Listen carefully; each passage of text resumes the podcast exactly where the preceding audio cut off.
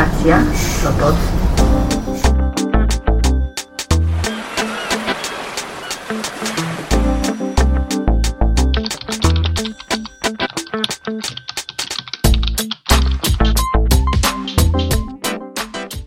Dzień dobry. Dobry wieczór. Gdziekolwiek i kiedykolwiek zechcecie mnie słuchać. To 28 odcinek Nadmorza, nadawany z Sopotu. Mówi do Was Piotr Wiktor Lorkowski. Dzisiejszy odcinek jest bardzo specjalny, tak ze względu na tematykę, jak i na osobę mojego rozmówcy. Ponieważ rozmawiam tutaj z Rafałem Tomaszem Czachorowskim, autorem wierszy, autorem opowiadań, ale występuje tutaj przede wszystkim jako założyciel fundacji Duży Format.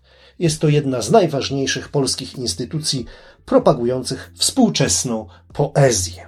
I temat też będzie niestandardowy, bo nasza rozmowa dotyczy nie tyle pisania bądź czytania poezji, ile jej wydawania.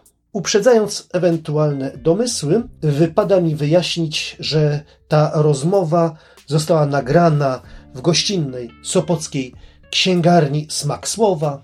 W tle słychać różne księgarnia, no kawiarniane dźwięki, odgłosy i rozmowa ta powstanie jako na przedłużeniu jednego z odcinków literackiego wolnego eteru, gdzie także wystąpiliśmy obaj, ale na wizji, poruszając zupełnie inne tematy.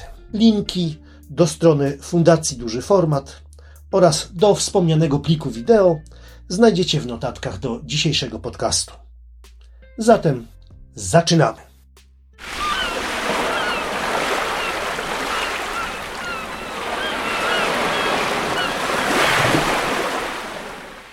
Jesteśmy w bardzo gościnnej, bardzo przyjaznej kawiarni, a właściwie księgarni Mak Słowa w Sopocie, a przede mną siedzi Rafał Czachorowski, który, który zajmuje się między innymi wydawaniem książek poetyckich, ale Fundacja Duży Format, prawda? Tak. E, Właściwie powiedz mi, e, jaka jest, jaki jest zakres działalności Fundacji Duży Format? E, Szeroki, żeby nie powiedzieć, że duży. Głównie jesteśmy wydawnictwem, głównie poezji, ale też wydaliśmy kilka e, prus, kilka tłumaczeń, właściwie jedno tłumaczenie, przepraszam, bo Życie człowieka na Bałkanach, ale mamy, e, mamy, na, mamy w planach wydanie jeszcze ki- kilku innych tłumaczeń.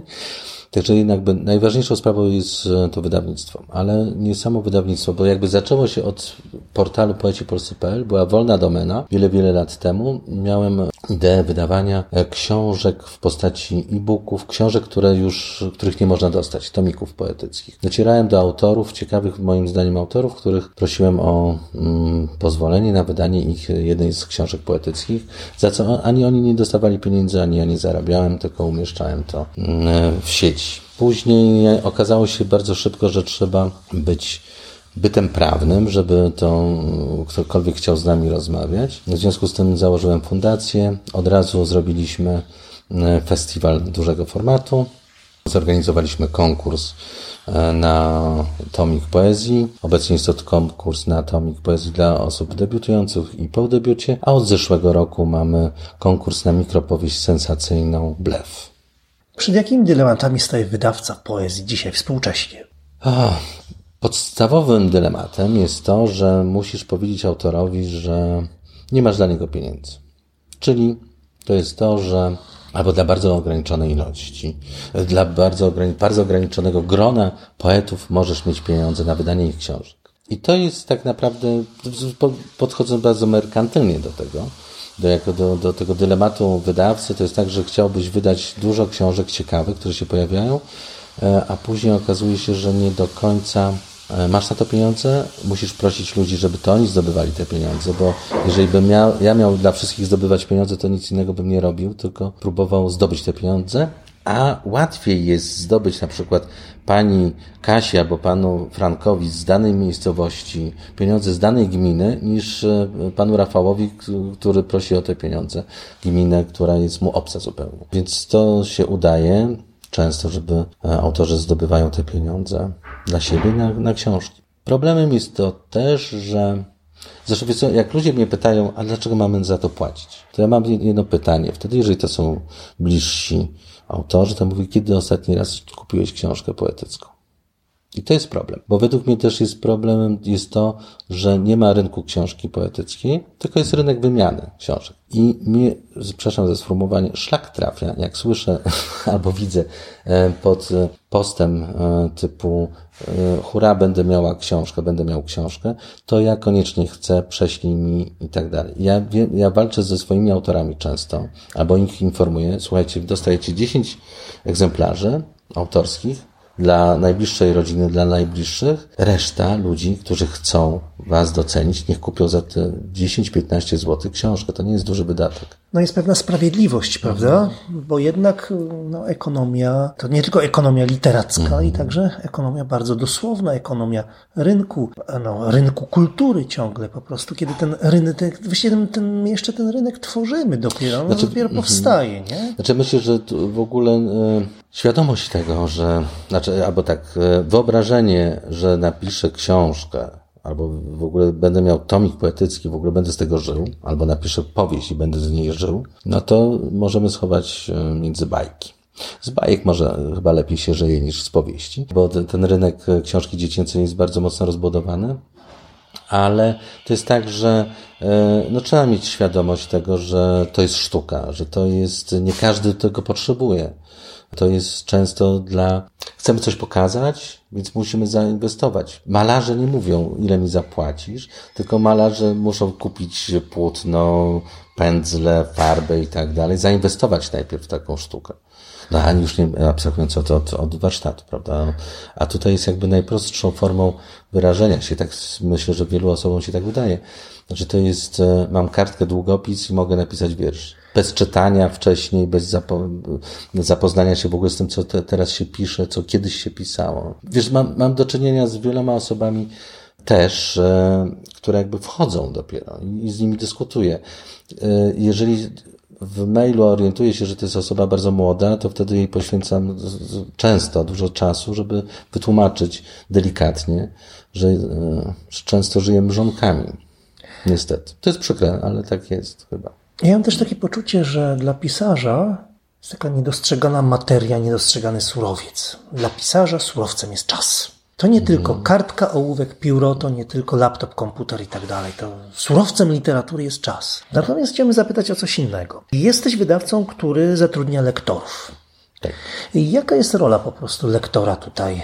E, w, jaka jest tutaj rola lektora tak naprawdę w procesie wydawniczym? Czy lektor, no może mogą mieć takie sytuacje, że lektor ma ostatnie słowo? Wiesz, ja często robię tak, że mm, znaczy nie uważam siebie za osobę, która wie najlepiej. Dlatego e, uważam, że żeby dobrze działało przedsiębiorstwo, a takim przedsiębiorstwem jest wydawnictwo czy fundacja, to muszę się jako szef otaczać dobrymi osobami i słuchać ich. Chociaż ja mam zawsze ostateczne zdanie. Ale to jest tak, że y, mnie bardzo ciekawi i to, to jest, dyskutuję, jak na przykład, nie wiem, wysyłam Jarkowi Jabrzemskiemu, któremu to najczęściej jakby wysyłam i on mi czasami e, lapidarne zdanie wysyła, mówi, nie Rafał, w ogóle zapomnij o tym i później przy okazji dyskutujemy dlaczego. E, ale często dzwoni do mnie i mówi, słuchaj, tu nie jestem pewny, bo to, tu są bardzo ciekawe fragmenty, ale i, i to są długie dyskusje. Jakby dyskutujemy, e, to ja i on, i na przykład, albo nie wiem, Karina Stempel, osoby, z którymi współpracujemy, to dyskutujemy, kto chce wziąć dany e, tekst, kto dany tekst czuje. Ja jestem takim, wiesz, troszeczkę dystrybutorem tych tekstów w tym momencie, ale oczywiście muszę, wiesz, jakby czytam wcześniej i jakby na, na koniec decyduję.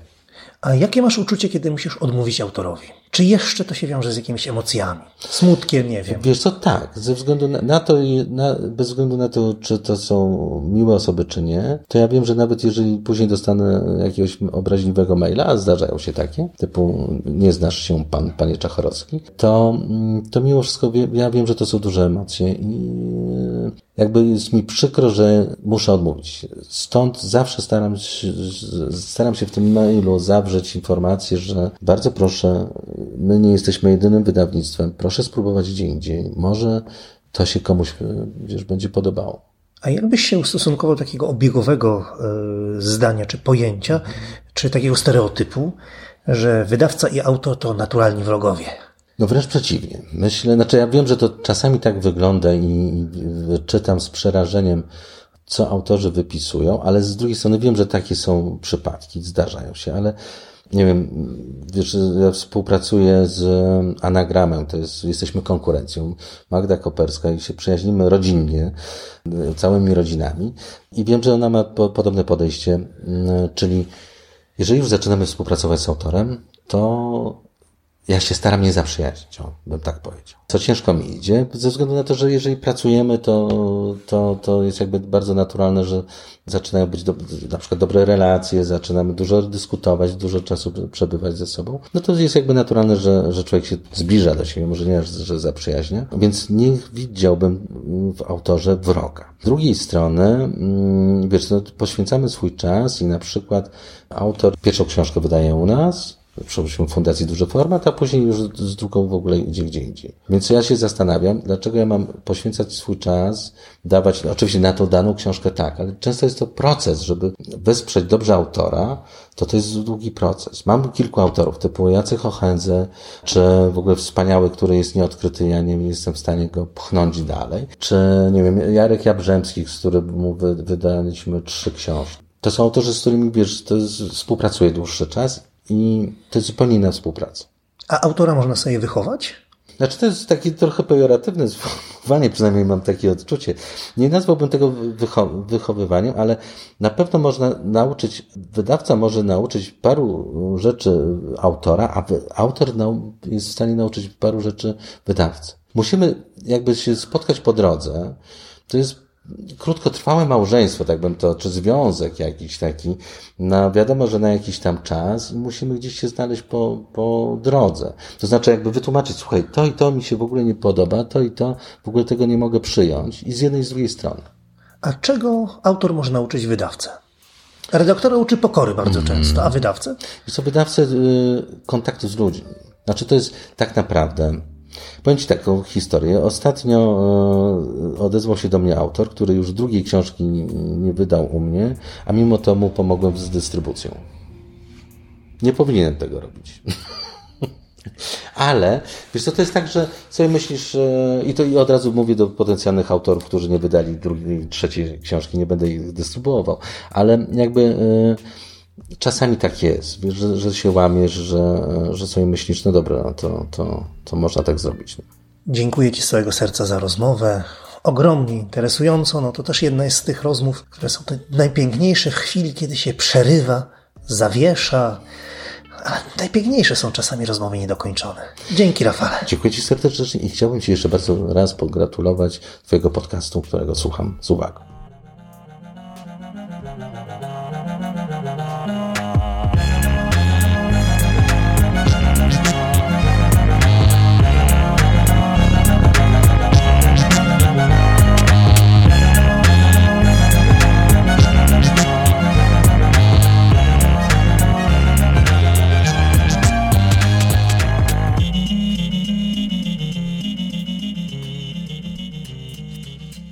Minionych tygodniach w poczcie książkowej znalazłem dwie publikacje zbiorowe.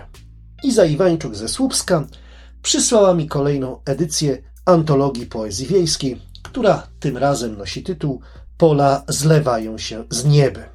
Antologię wydało Słupskie Starostwo Powiatowe i to się liczy starostwu na wielki, wielki plus, bo jeśli nas słuchają jacykolwiek urzędnicy samorządowi czy inni, to niechże wezmą pod uwagę, że pieniądz wydany na poezję jest pieniądzem wydanym bardzo, ale to bardzo dobrze.